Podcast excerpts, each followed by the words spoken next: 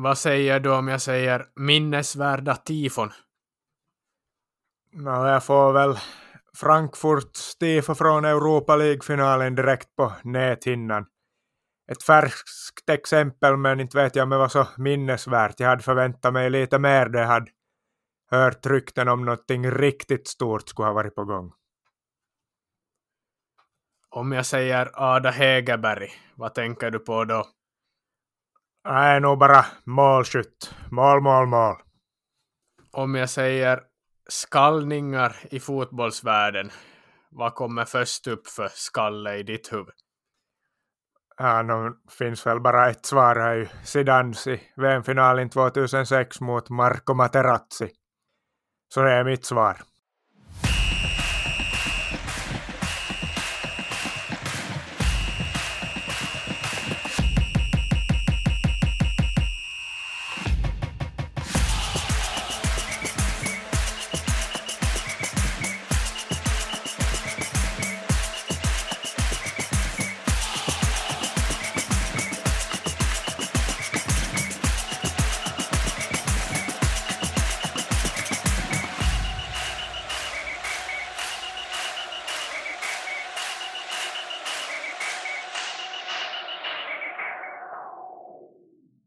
Hej och välkomna. Idag har vi återigen massor att prata om och vi gör lite, vi går mot våra principer att inleda i Finland och avsluta i Europa. Idag gör vi tvärtom och inleder på ute i Europa eftersom det har hänt en massa den gångna helgen och sedan avslutar vi då med vad som har hänt inhemskt i, i landet. Men vi börjar med damernas Champions League-final där vi förvisso hade ett finskt inslag i form av domaren Lina Lehtovaara.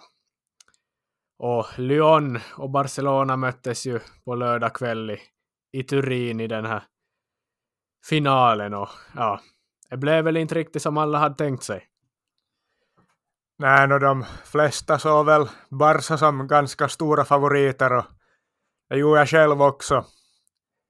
De har ju bara förlorat en match på hela säsongen väl och det var en betydelselös, eller no, nästan betydelselös, returmöte mot Wolfsburg där de redan hade krossat dem i första mötet. Annars vann de ju varenda match i ligan och slaktade rätt ut i, i de inhemska turneringarna men men Lyon visar att gammal var äldst. Eller att gammal är äldst och gammal förblir äldst och med tyngd tog man en 3-1-seger, gick upp snabbt till 3-0 på en halvtimme. Och Amadine Henrys mål var ju kanske hela säsongens snyggaste mål, så är ju speciellt att hon drog till med ett sånt mål i en final. Och angående domare Lehtovaara då så var man ju ganska förvånad att hon fick döma den här finalen. Eller jag blev förvånad när jag såg att hon skulle döma finalen, för jag tyckte ju inte att hon gjorde bra när hon dömde El Clasicon i kvartsfinalen i Champions League. När hon förstörde hela mötet med att ge någon billig straff till Barca som sänkt Reals självförtroende och, allt momentum som de hade där i matchen. Men, men i lördags då i, i finalen så skötte hon sig nästan helt fläckfritt. Hons första agerande kom hon lite fel in i matchen tyckte jag, blev lite orolig. Hon gav en onödig frispark när var väl Lyon som skulle ha fått fördel och tjäna på att ha fördel men gav hon frispark istället i dåligt läge och var, ja, hon var lite för hastig där men sen efter det så skötte hon sig fläckfritt och märktes knappt av annat än, ja, hon låter spelet gå i de flesta lägen, tillät ganska tufft spel men det är väl bara en bra sak och speciellt i en final att man inte börjar blåsa sönder den så hon förtjänar beröm för sin insats tycker jag. Och Lehtovaara, hon är ju från Kokkola, från Karleby och hon är 41 år och jobbar som lärare. Och, eh, hon beskrev väl det som sitt livs största fotbollsögonblick och ja, att få döma en Champions League-final får man ju nästan utan undantag bara gör en gång i hela sitt liv. Och det gäller väl på damsidan också. Men hon kommer ju vara med i sommarens EM-slutspel i England och där får vi se vilka matcher hon kan få då om hon gör bra prestationer där inledningsvis i gruppspelet. Hon har väl alla möjligheter för att få döma semifinaler och till och med kanske finalen, men det får vi se sen. Men... Ja, efter att ha läst den här Jonas Erikssons bok här tidigare i, i vintras så blev jag också lite förvånad att hon fick domaren, eller att hon fick döma den här finalen. Eftersom att man ju har läst i den boken att det är mycket politik som ligger bakom domarvalen och vem Uefa tillsätter som domare i de största matcherna. Då brukar det ofta vara någon från de stora, traditionellt sett stora fotbollsländerna. Det kan vara England eller Italien eller Spanien eller Tyskland eller något sådant. Brukar ofta vara domare från de länderna som får döma de stora matcherna om de har skött sig tillräckligt bra för det. Så att Lehtovara från lilla Finland skulle få den här finalen var ganska överraskande, speciellt när hon inte ens gjorde så bra i El Clasicon i, i kvartsfinalen, men nu i finalen skötte hon sig faktiskt strålande och förhoppningsvis gör hon det i, i sommarens EM-slutspel också så kanske hon får vara med och döma i ja, ganska långt in i den turneringen. Kanske en final där också. Inte omöjligt. Ja, Finland har väl inte haft så jättebra domare historiskt sett, i alla fall inte på internationell nivå, men Barcelona förlorade, man vann ju i fjol och ja, inte det är ju hela världen att man förlorar i år, men med tanke på allt snack kring hur pass överlägsna man har varit, att man har varit tidernas, eller att man är tidernas bästa damlag. Ja, och vinner alla matcher i ligan och har no, över hundra gjorda mål och ja, vem vet hur många rekord de har slått med. Det är kul då Lyon slog tillbaks och visade att nej, ni är fortfarande inte bäst utan vi står här och lyfter vår åttonde Champions League-pokal nu. Även om Lyon har dominerat här på sista 15 åren och vann fem raka Champions League fram till 2020 väl, så trodde ju de flesta att deras glansdagar skulle vara över nu eftersom ja, Spanien, England, Italien och stora klubbarna där börjar bli stora på damsidan. Men kul att Lyon fortfarande kan stå emot och kollar man på laget deras så är det ju ja, en fem, sex spelare som fortfarande är kvar från gyllene generationen i här tiotalets gyllene generation. Vi har ju Wendy Renard som återigen lyft pokalen, världens bästa mittback på damsidan. Och Lesomer och Hegerberg och Henri finns kvar och en sån världsmålvakt som Sara Boadi finns ju på bänken till och med. Hon är chilenaren, chilenskan Endler som står nu för tiden där men stommen är ju kvar och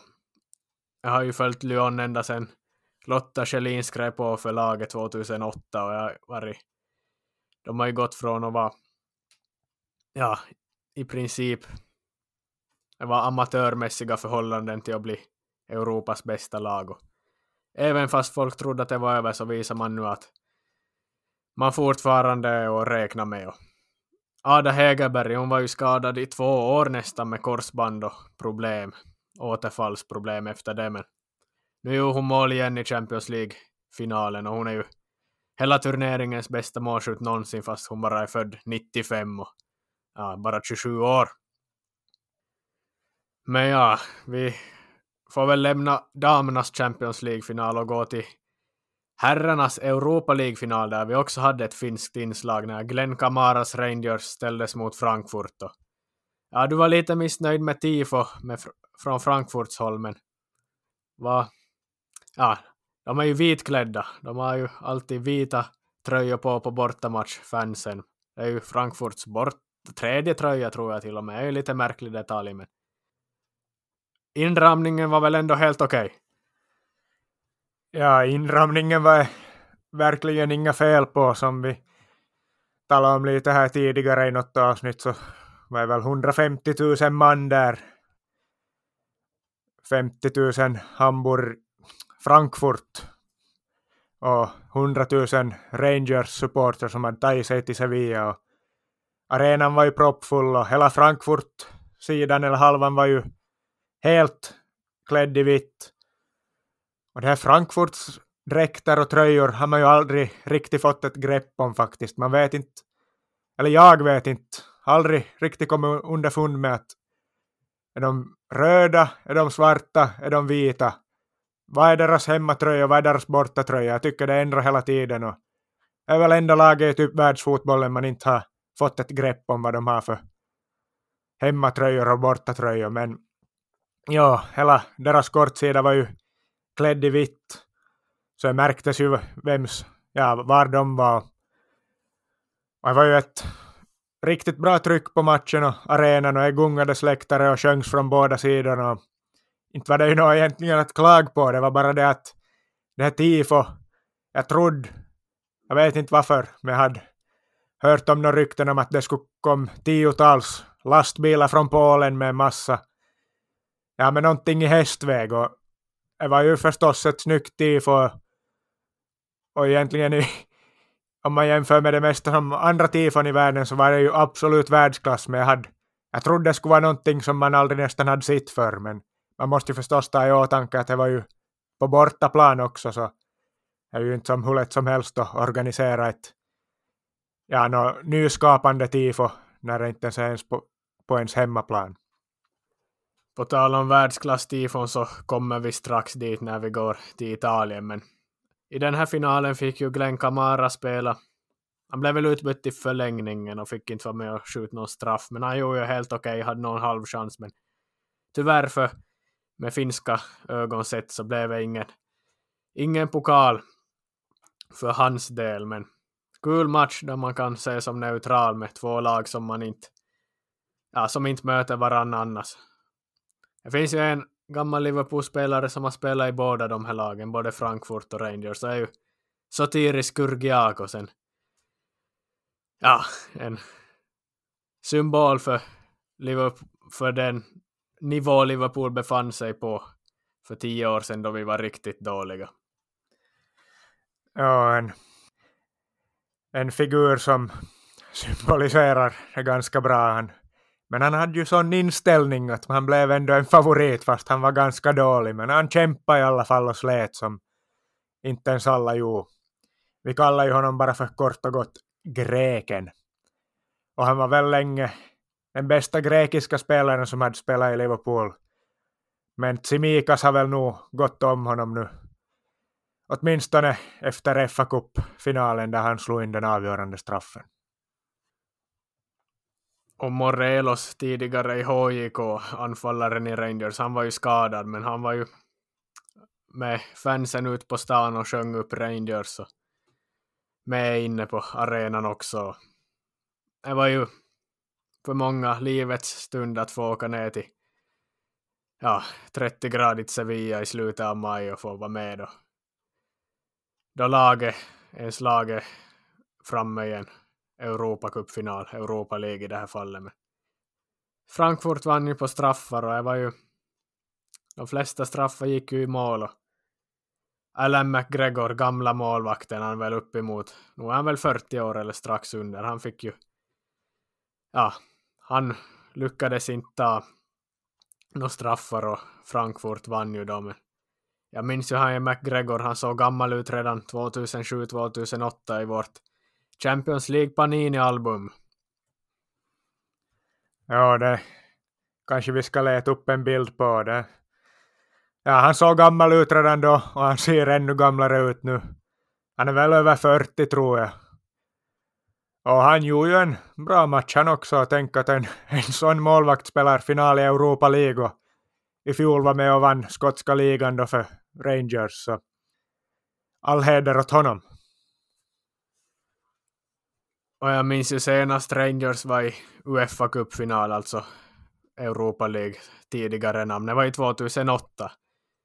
Då sändes inte matchen på TV och det fanns inte riktigt några fungerande streamar på den tiden så den sändes dock i efterhand mitt i natten klockan två eller någonting, ett, två tiden. Och jag gick ju i högstadiet då och man borde ju få sina timmars sömn men när det Uefa cupfinal ville man ju ändå se och jag steg upp mitt i natten då och kollade Rangers mot Zenit från Sankt Petersburg då som spelar med Arshavin och, och gänget där. Och Zenit vann ju den matchen mot Rangers. Så jag minns dagen efter då, våren 2008, var ju många som många andra som hade varit upp mitt i natten då också. Jag tänkte, jaha, är det många andra som har kollat på Rangers? Är ju, Zenit Rangers är ju lite oväntat, men det var ju hockey-VM samtidigt och Finland hade spelat mot USA. Det var väl hockey-VM i Kanada, så folk hade stigit upp samma natt och kollat på ishockey, men jag steg upp och kollade på Zenit Rangers, så det var ett speciellt minne som jag kom på nu när Rangers återigen var i final och återigen förlora, men vi går vidare till nästa punkt. Ja, vi kan väl kort nämna att det var final i Tyskland också. Leipzig mot Freiburg, men det behöver vi väl inte alls gå in på eftersom plastklubben Red Bull vann där, så vi skippar och pratar om det helt. Men vi kan gå in på ligaavgörande då istället i, i de olika länderna i toppen och botten. Om vi börjar i England där Liverpool gjorde jobbet men väntat nog inte räckt till igår mot, mot Man City och är ju lite speciellt eftersom 92 poäng skulle ha räckt till ligaguld av är väl något 25 av de 30 senaste åren men men det är ju otur att det finns ett lika bra lag som också spelar i samma liga nu.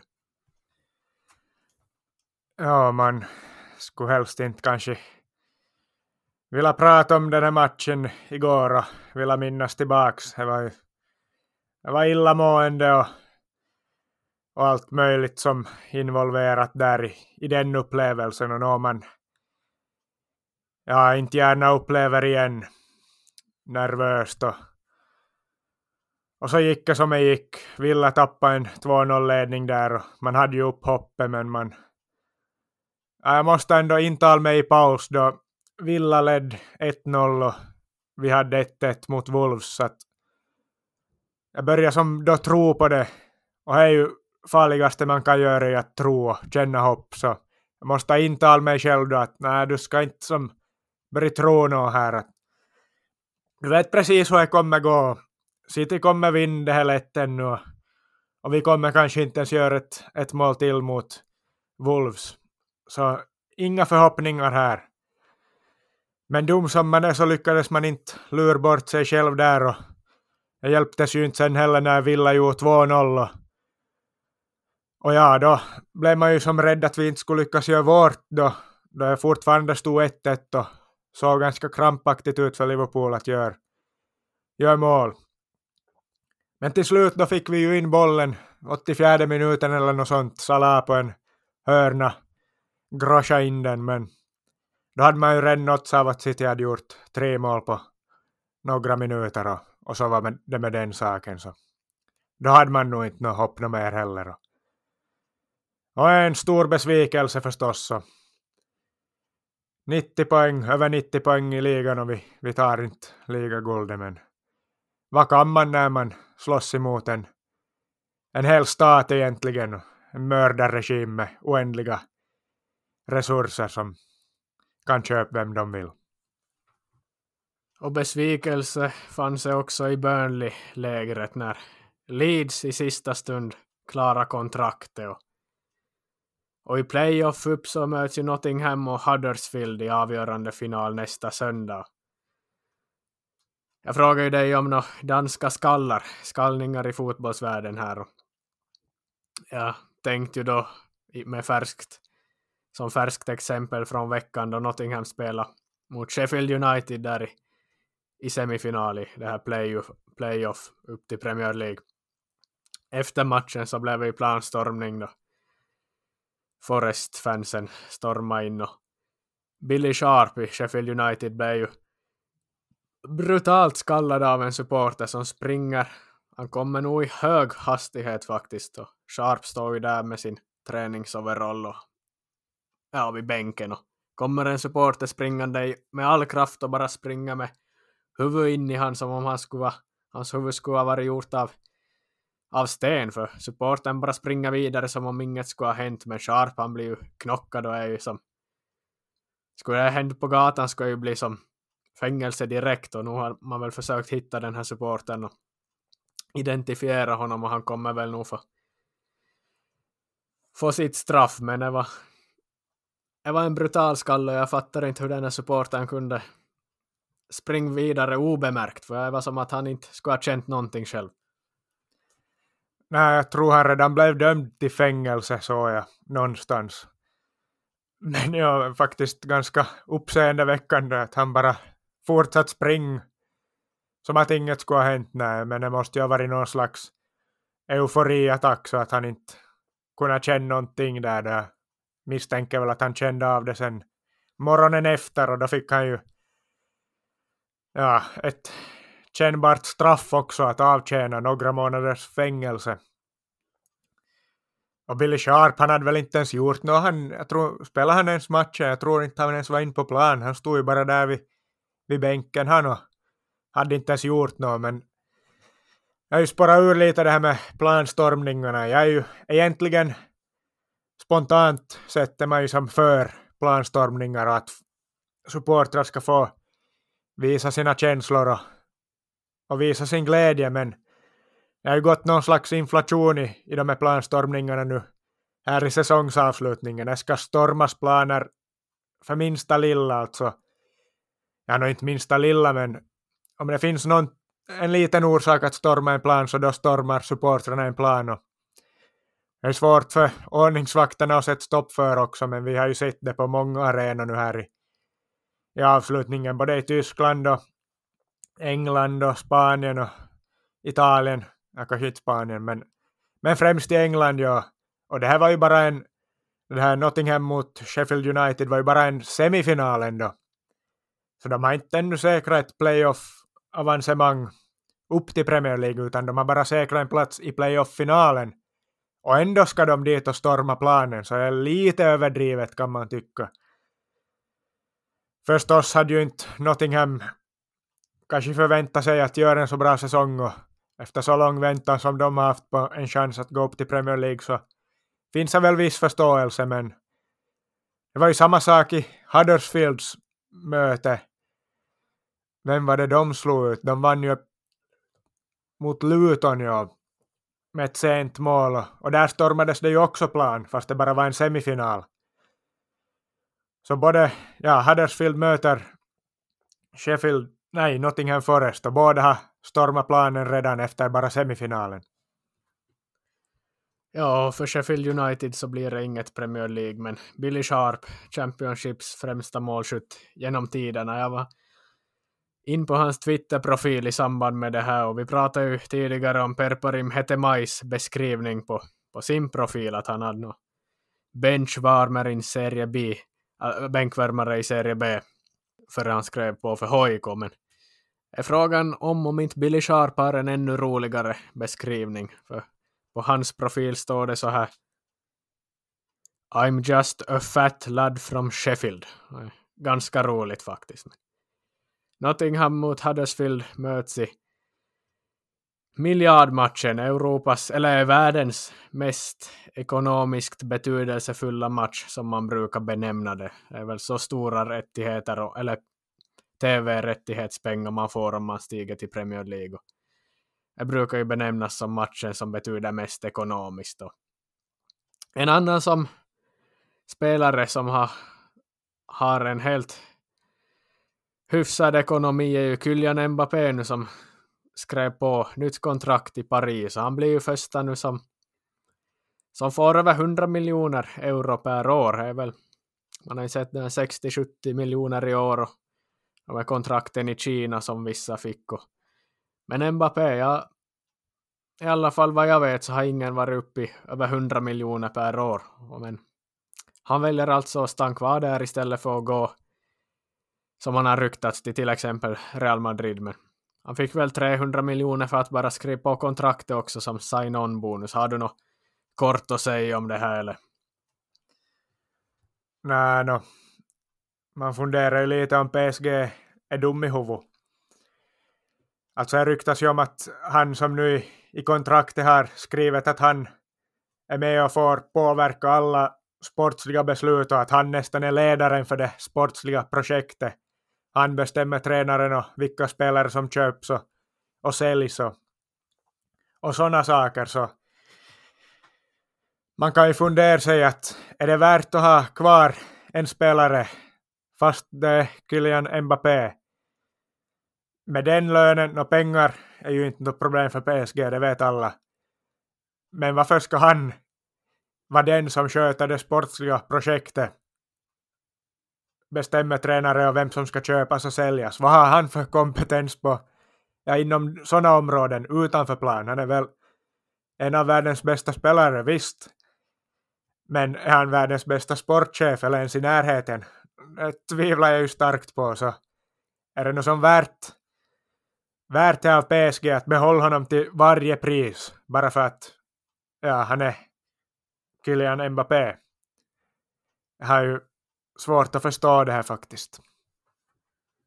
Ja, om vi ännu ska prata lite om italienska avgörande i, i både toppen och botten. Vi behöver väl inte gå i så djupt in på, på Milan. Det kommer väl pratas om i jättemånga andra poddar som pratar om, om Zlatans eventuellt sista framträdande. Men vi konstaterar att du hade fel. Du trodde att Milan skulle, skulle åka på någon skrällförlust, men Sassuolo de är ju nog medgörliga i sådana här lägen och förlorar nog om man behöver förlora. Men Milan var ju nog bättre och vann ligan nu första gången på 11-12 år. Jag läste att tränaren Pioli har slarvat bort medaljen redan, eller ja, har blivit stulen mitt i firande. Ja, jag har inte läst något, men jag får väl acceptera att jag hade fel, så det bara sjöng om det. Lite naivt av, av mig att tro kanske att Sassuolo inte skulle ha förlorat en sån match. Det går väl nog att att fixa en sån sak när man är Milan, antingen på eller utanför plan, men jag tänkte att sån ja, uppgörelser eller sådana saker, tjänster, kanske inte förekommer lika mycket i Italien och mer, att de också går mot en modern värld, modern fotboll, men utan sånt. Men så som Sassuolo uppträdde så ja, de skapade inte något problem för Milan i alla fall. Och det var ju bara Milan-fans på hela arenan. Som fick fira tidigt och en behaglig väg till guldet. Jag såg ju andra halvlek så det med ett öga efter Liverpools match. Det var ju nog bara en transportsträcka för man ledde redan 3-0 från första halvlek då Rafa Leao hade assisterat till alla tre målen det firades. Ja, det var en, ett enda långt firande hela andra halvlek bara och spelarna och, och Pioli själv firade ju långt innan på bänken och, och hela arenan också för det var ju bara Milan-fans där kändes det som. Jag såg nog inte någon som skulle varit klädd i, i grönsvart. Så. Det var nog bara Milan för hela slanten. Det är nog sällan man har sett en tränare som Stefano Pioli som med tio minuter kvar står och dansar på sidlinjen men han han rycktes med och han hade ju tagit ut segern i förskott och det kunde han också göra. Han skulle få en ny medalj av förbundet nu eftersom eh, den första slarvades bort. Men det var ju mäktiga scener och de har väntat länge. En stor klubb som har varit på, på dekis länge som har varit riktigt bedrövliga vissa säsonger men nu är man tillbaks på toppen och vi har pratat om det tidigare att man inte skulle egentligen ha haft eh, man borde inte ha kunnat vinna den här titeln. Det är för många andra lag som är bättre. Men, men man vann och stort grattis till dem. Men i botten så avslutar ju Salernitana säsongen och man gjorde med 0-4 förlust mot Udinese men aldrig tidigare har väl något lag varit så glada att förlora 4-0 som, som Salernitana igår för man lyckades ju på 31 poäng säkra kontraktet, The Great Escape. Och jag läste, eller hörde, kommentatorn sa väl att det var något, när det blev tränarbyte där och Davide Nikola tog över så var det 17 procents chans att man skulle kunna klara kontraktet. Det var så pass lite små möjligheter för att man skulle klara att hållas kvar. Men han har ju hållit kvar Crotone 2017 och nu lyckas han lösa ett nytt Serie A-kontrakt med ett annat lag från den italienska södern. Och det var ju också på rekord låga poäng, 31 poäng. Det är väl ingen som har hållits kvar med så låga poäng på de senaste 20-30 åren. Jag vet inte historiskt sett hur, hur det här rekordet står sig och med historiskt också, men i alla fall på senaste tiden har ingen klara kontraktet med så här få poäng. Men det var ju mäktiga scener i Salerno och ett tifo av ja, årets tifo, absolut världsklass. Europas kanske brantaste ståplatsläktare bjöd upp på show och det var en koreografi, ett rullande tifo. Det var som man gjorde som en film, att man Visa hela Salernitanas historia som rullar från scen till scen. Framgång och motgång. Ända fram till dagsläge och det var ett tifo som rullade i ja, säkert över fem minuter, men det var mäktigt. Jag måste väl klicka in mig på Youtube och, och försöka se det här. Jag har inte hunnit, hunnit ta del av det ännu. Och angående Nikola, tränaren, så kanske folk börjar tro att han ännu är en någon mästartränare som ska ja, borde träna bättre lagat om han lyckas med sådana här saker i, i Salernitana och Crotone, två great escapes, lyckas hålla kvar dem mot alla odds, så borde han väl kunna göra bra i något no topplag. Jag har i alla fall sett lite sådana röster höjas, men han ska ju absolut inte i ett topplag, det är nog ett som är säkert. Det här är precis vad han ska göra och precis vad han finns till för i, i den italienska fotbollscirkusen. Han ska rädda lag från att falla ur. Och inte något mer än så. Nu får han, ja, Salernitana får ta in en ny tränare nu och så får vi se vem som behöver han nästa gång. Men han ska nog inte till något, till något topplag inte. Jag tror inte han ska vara kvar något långsiktigt i någon klubb heller. Han är en mästare på det han gör, men han ska inte göra något annat heller. Äh, uh, och man förlorar ju som sagt mot Udinese den här avgörande matchen med 4-0. Man förlorar 4-0 mot ett utcheckat Udinese, men man lyckas ändå hålla sig kvar. Och det är ju tack vare en finsk spelare, Niki Mäenpää, för han stod i mål för Venezia som samtidigt höll nollan mot Cagliari, för Cagliari skulle måste vinna den matchen för att gå om Salernitana, men det gjorde man ju inte. Venezia försvarade sig bra och Mäenpää stod emot som målvakt där.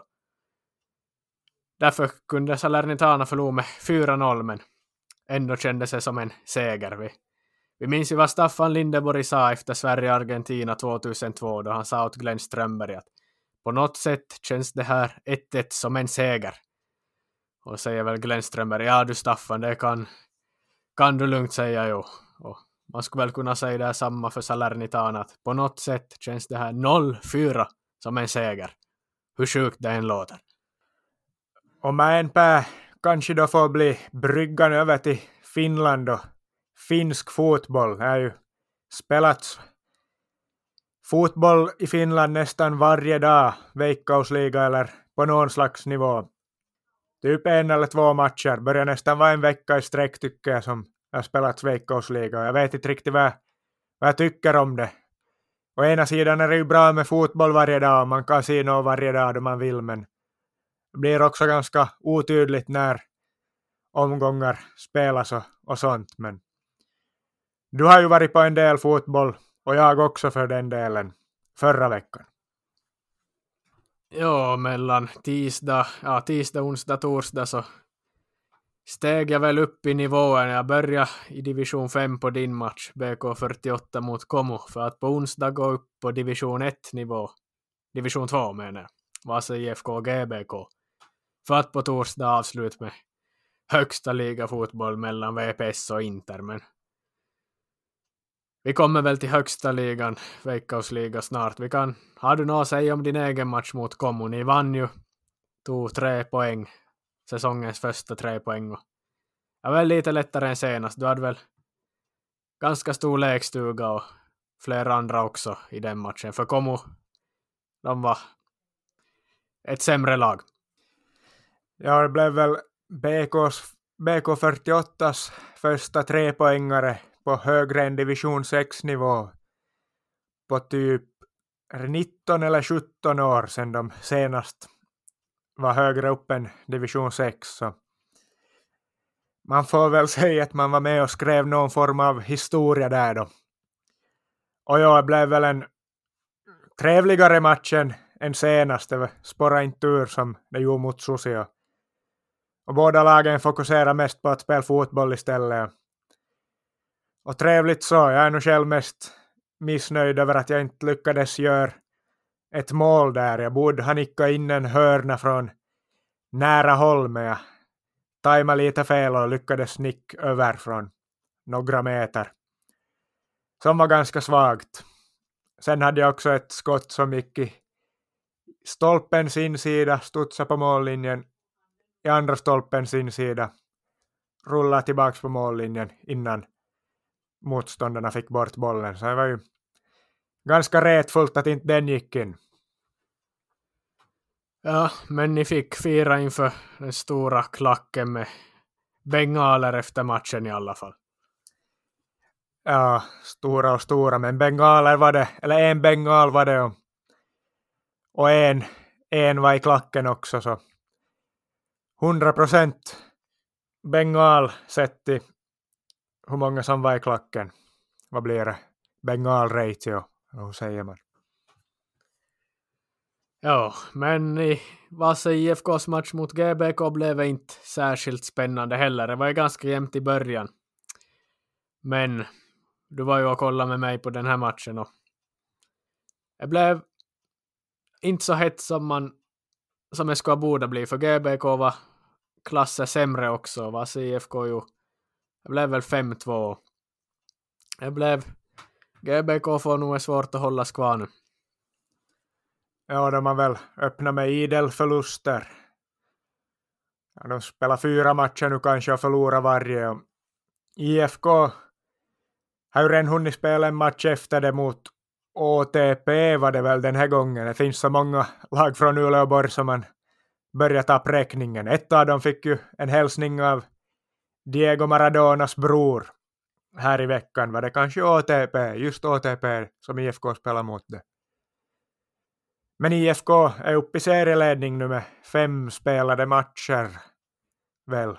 Men de har en match mer spelat än, än lagen bakom. Men de har ju öppnat säsongen starkt och avfärdar nog GBK utan större problem fast de tappade en tvåmålsledning. Och även om GBK hade Luka Modric i laget. Det är väldigt lätt att har man långt ljust hår, hårband nummer 10, rödvit tröja och kolla bakifrån så ser det ut som Kroatien och Luka Modric. Och det tänkte jag då jag kollade på den här matchen, en i GBK som det var nog ingen slump tror jag, utan han vet exakt hur han ser ut och vet hur han ser ut från avstånd också. Du håller väl nog med här att han försökt efterlikna Modric? Ja, han lyckades väl ganska bra med sitt försök också. Han såg väl ut som Modric. Kanske inte spelmässigt lika bra om man spelar på division 2-nivå, men någonstans ska man ju börja. Man märker ofta, just på sådana här nivåer, kan man ofta märka att spelare har idoler och vem de försöker efterlikna, både i utseende och kroppsspråk och rörelsemönster och firanden och, och allt, allt vad det finns. IFKs anfallare tycker jag att verkar som att han försöker efterlikna Luis Suarez i sin spelstil och ja, hela sitt uppträdande på plan. Någon får kanske bekräfta det för mig om jag har rätt eller fel då. I fjol minns jag att jag ganska tydligt märkt att en JJK-spelare försöker efterlikna Frenkie de Jong i, i Holland och Barcelona så det blir ofta ganska tydligt vem, vem spelare försöker efterlikna. Ja, bra start på Vasa IFK. Detsamma får man säga om Närpes Kraft som fortfarande är obesegrade. Men om vi hoppar fram till torsdagen var vi och kollade på VPS mot Inter. Och veckan innan var jag ju på derby mot SJK med uppemot 4000 på plats. Men nu VPS Inter en torsdag var inte lika många, knappt över tusen och det var ju ja, inga bortafans alls och en väldigt medioker hemmaklack som gjorde sitt bästa, men de hade ju inte så stor uppslutning. Och en ganska dålig match överlag, men vi fick ju vi fick ju se spets som avgjordes, eller avgjorde matchen och det var ju i form av Inters och kanske hela ligans, finska ligans bästa spelare, Petteri Forsell, som slog till med två assist som ledde fram till båda målen i den här 2-1-segern för Inter. Och det var ju, hände inte så mycket i matchen, men Forsells första assist är bland det bästa jag någonsin har sett live.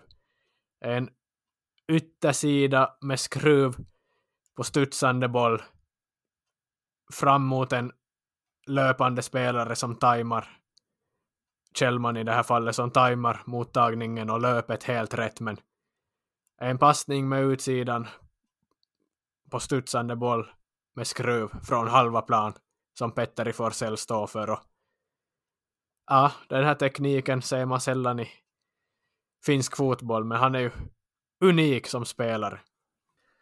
Ja, jag har ju själv fått se honom ganska många gånger redan i, i Åbo, då jag brukar vara på Inters hemmamatcher, men för dig blev det väl första gången. Och ja, han assisterar ju också till 2-1 målet. Och är ju, ja, det var med hans spets som matchen avgjordes kan man ju konstatera, för annars var nog inte Inter något bra. Inte var väl VPS något speciellt bra de heller. För Inters del märktes det ju ganska tydligt att de är ett helt annat lag på konstgräs än vad de är hemma på Veritas där de har naturgräs nu efter att jag har sett dem på båda i år. Och många gånger på hemmaplan så var det som att se dem i slow motion nästan på, på Elisa stadion då på konstgräset. En dålig konstgräsmatta ska väl sägas som ska bytas ut här nu i sommar. Så det var som att se två helt olika lag spela om man jämför Inter på hemmaplan och, eller hur det brukar se ut på hemmaplan och på bortaplan. Det gick mycket långsammare allting och lyckades inte alls bryta ner Vepsu och skapa inte nästan någonting som lag. Men som är Petteri Forsells spetskvaliteter då så hittar de fram till två mål och tar en tung trepoängare. Forsell är väl just en sån spelare som ska göra de här sakerna. Det är därför han är, har blivit värvad till klubben och därför han har sin höga lön.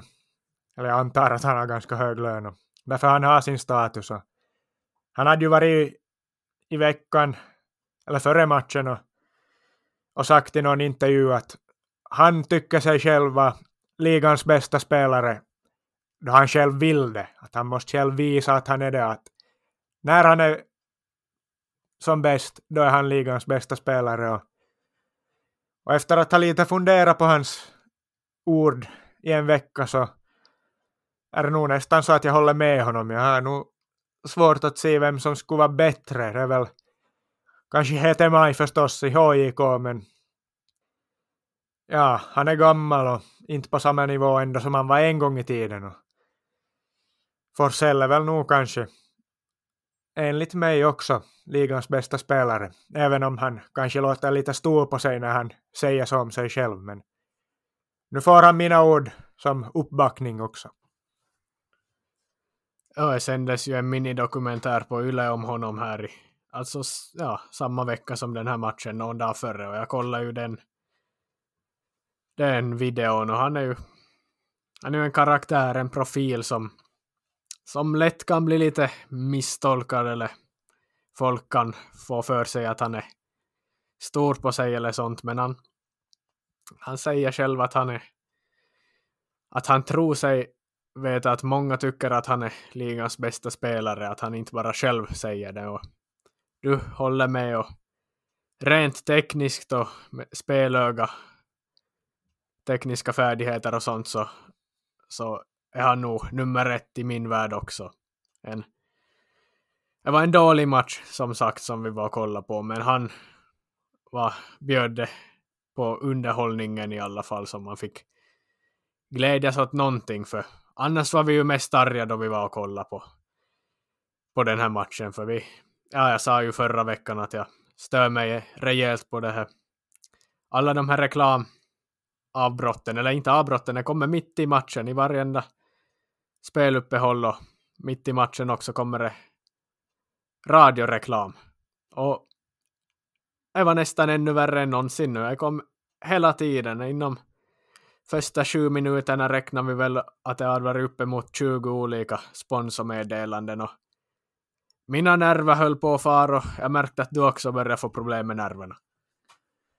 Ja, och när man så till vänster om oss hade vi en lite äldre herreman som satt några stolar bort och, och han satt också han och, och skakade av, av vrede såg det ut som. Jag, jag väljer att tro att det var på grund av reklamavbrotten för han suckade nog så mycket han också.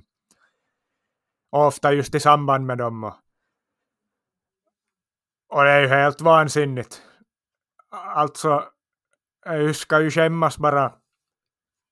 Ska ju inte få, få vara så här på fotboll, att det är mer reklamuppehåll än fotboll. Det måste ju ha varit som långt över hundra reklammeddelanden över 90 minuters tid då. Och när det eh, är mer reklamavbrott, ah, eller reklammeddelanden än fotboll, så då vet man att ah, ja, då står nog inte någonting riktigt rätt till. Det är väl VPS som på något sätt verkar vara ganska desperata efter att få alla pengar de kan få. Och de har ju förstås haft sina ekonomiska problem så säkert har det något med det att göra men men det här driver folk bort från fotboll. Det gör så att jag aldrig någonsin vill gå på en fotbollsmatch i Vasa igen om det ska fortsätta på det här viset. Jo, när båda vi förstår ju att det handlar om att finska ligan och finsk fotboll överlag har dålig ekonomi och gör allt man kan för att få få in varenda slant som går att lösa, men man blir uppriktigt förbannad och är för mycket jag köper dem mig någon gång. I hockey är det för mycket där åker mina nerver, men när det i fotboll också börjar bli mer än i hockey, då är det någonting som är, är fel. Och man undrar ju som du sa förra avsnittet, att, eller förra veckan, att ja, alltså blir man taggad på att köpa de här produkterna eller kolla in ja, kasta, in sig, kasta sig in i deras hemsida och, och läsa om vad det är för företag som reklamerar här. Är ju... Nej, jag tror inte. Jag tror nog att de flesta stör sig på det här. Och... Ja, men även finsk fotboll är väl tvungna och tyvärr helt enkelt. Ja, men inte det ändå så här på andra arenor runt om i, i landet som jag har varit på, åtminstone vad jag kan komma ihåg. Inter som jag nu har varit mest på på senaste åren har nog inte alls jag vet inte, har de ens nå reklamavbrott på sina matcher, äh, reklamuppläsning annat än i paus och före matchen kanske, men jag tror inte de har något mitt under matcherna så det är väl nog i Vasa för VPS som det verkar vara som allra värst. Det är ju synd om man är Vasabo eller härifrån och oftast går på VPS-matcher när inte jag är i Åbo. Ja, en annan oroväckande grej är ju att VPS-sången, inmarschen, den har ju börjat... Den förekommer inte riktigt så ofta, i alla fall inte två senaste matcherna och inte väl heller i... Då vi var tidigare för någon månad sedan och kolla. Jag har varit på arenan i god tid på förhand, men ändå så kommer inte Seura Raita på. Jag borde ju komma på den sången just när spelarna går in.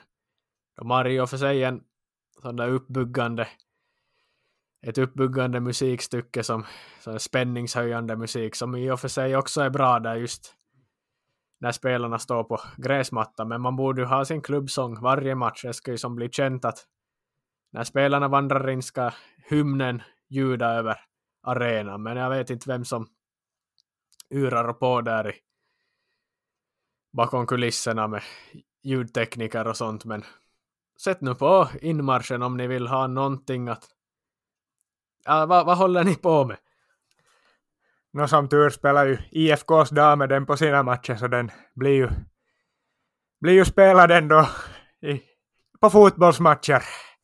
Hur sjukt den är. Och förstås varför skulle VPS ha tid att spela den när de ska spela upp sina reklammeddelanden jämt och ständigt. Men en annan sak vi noterar här från matchen nu att Steven Morrissey, det var ju också ett reklam, eller en radio, eller från högtalaren, ett meddelande som kom mitt i matchen, några minuter efter att Steven Morrissey blev inbytt.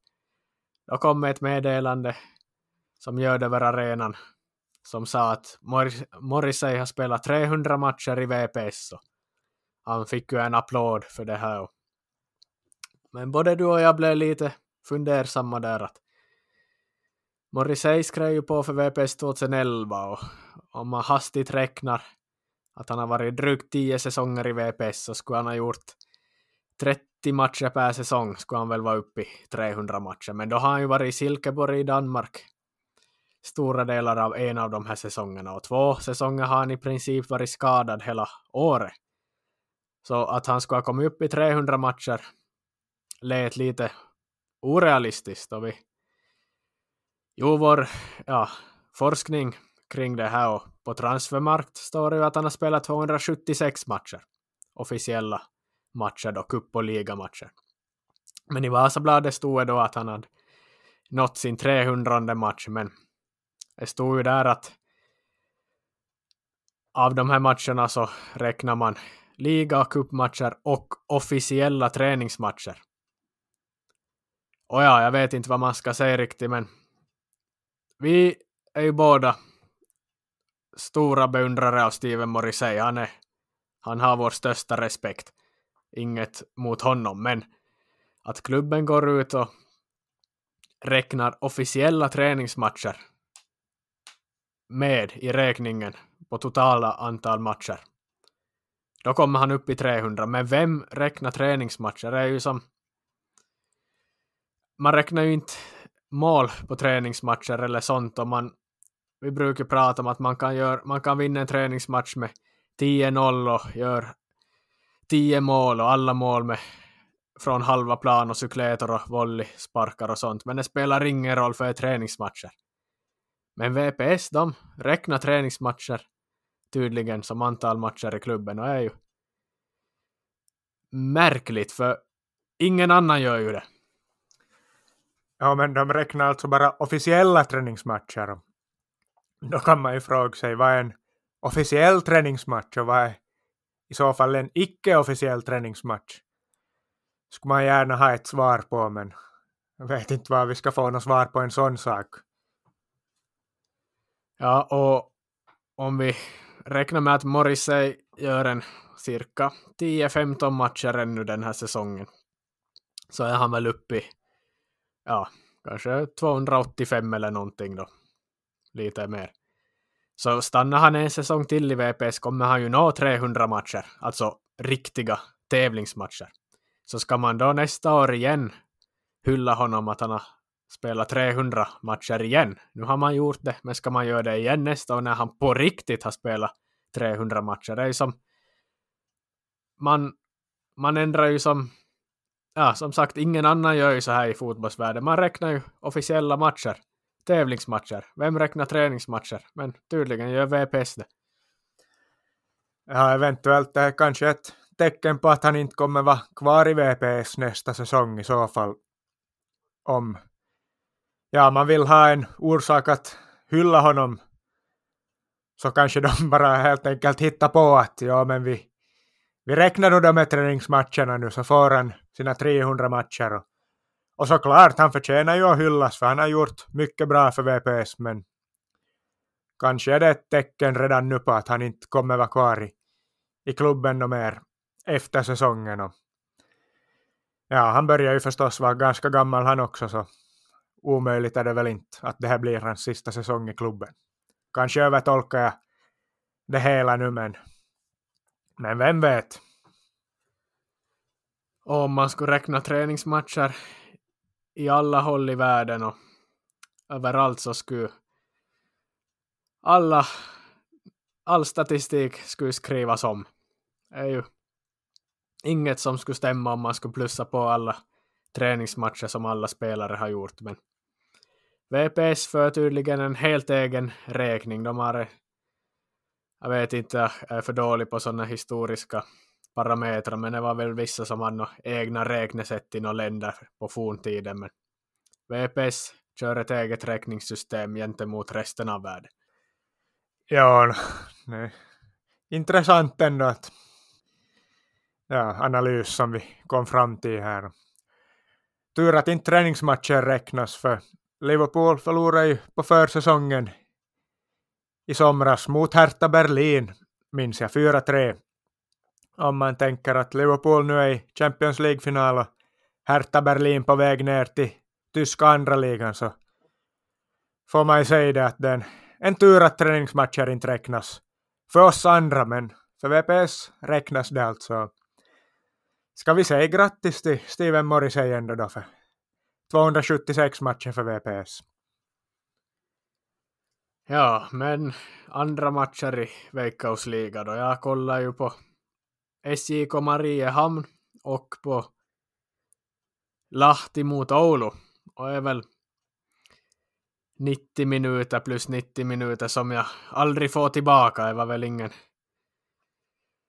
inget att ta med sig från de matcherna egentligen. Men jag kollar nu som ja, uppladdning inför, eller medan jag väntar på andra matcher på andra håll i världen. Men ja, har du sett på någon and, annan fotboll i, än det här VPS mot Inter? Ja, jag kollade också den här SJK mot IFK Mariehamn och får väl konstatera att SJK tog en spelmässigt välförtjänt men ändå lite krampaktig seger. De var ju nog ganska klart det bättre laget på plan och skapade några hyfsade chanser.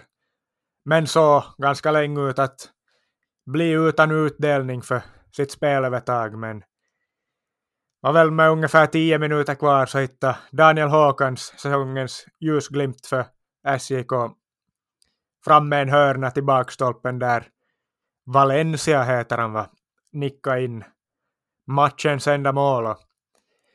SJK tar en till trepoängare, även om det inte så vackert ut så kravlar de sig ändå sakteliga upp i tabellen och Joaquin Gomes har väl kanske nu ändå räddat jobbet i några matcher framöver, ska vi tro.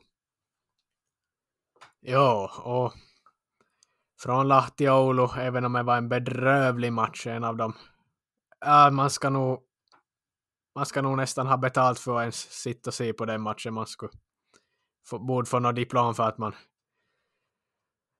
sitter 90 minuter framför en sån match. För det var nog så tråkigt och så dålig fotboll. Men vi noterar ju att Oulu i alla fall verkar samla på sig poäng efter poäng och inte ser ut att vara inblandade i bottenstriden, men för Lahtis del så blir det ju hårda bud i Mellerud nu, för Lahti är väl ett av lagen som verkligen känns dåliga och som på största allvar får vara, vara med i bottenträsket nu som det ser ut. Ja, Lahti verkar ju ha väldigt svårt med att hitta trepoängare och, och en del problem med målskytte också. Ja, en, en tuff start på säsongen helt enkelt och ser ganska mörkt ut för, för deras del.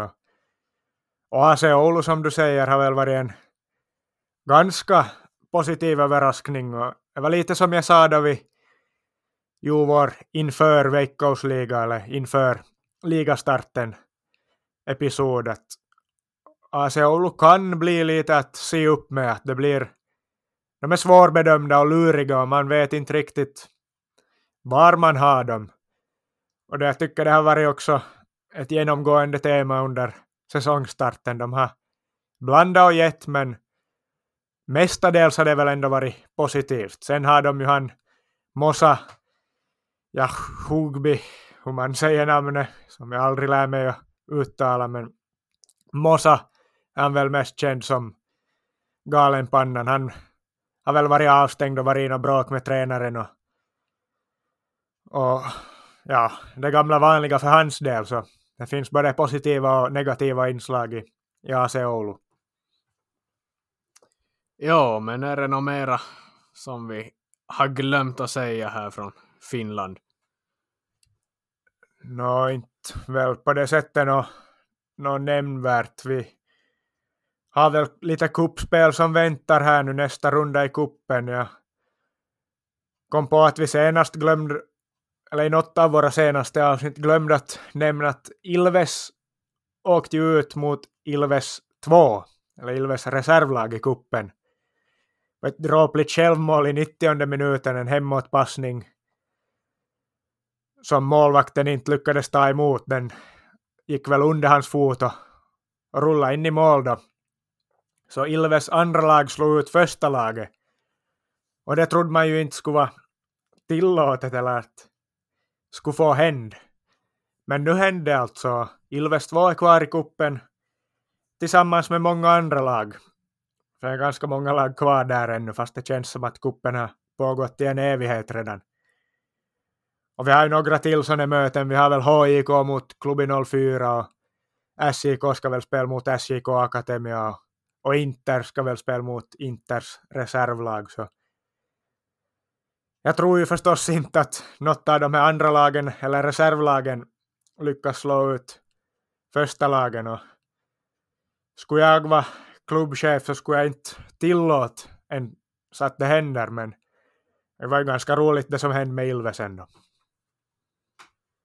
Ja, och europeiska säsongen börjar ju gå mot sitt slut. Alla ligor är ju i princip färdigspelade. Det är lite playoff-finaler och kval och sånt kvar. Och såklart Champions League-finalen och sånt. Men vi får ju ha ju mer tid att prata om inhemsk fotboll då vi inte behöver nämna vad som händer på kontinenten här under de närmsta månaderna nu. Men såklart kommer det vara en massa övergångar och sånt som oavsett ger oss anledning att prata om annat än Finland också. Men till näst så kommer vi väl släppa ett gästavsnitt här i veckan med en, en intressant gäst, en av Nordens främsta fotbollsagenter.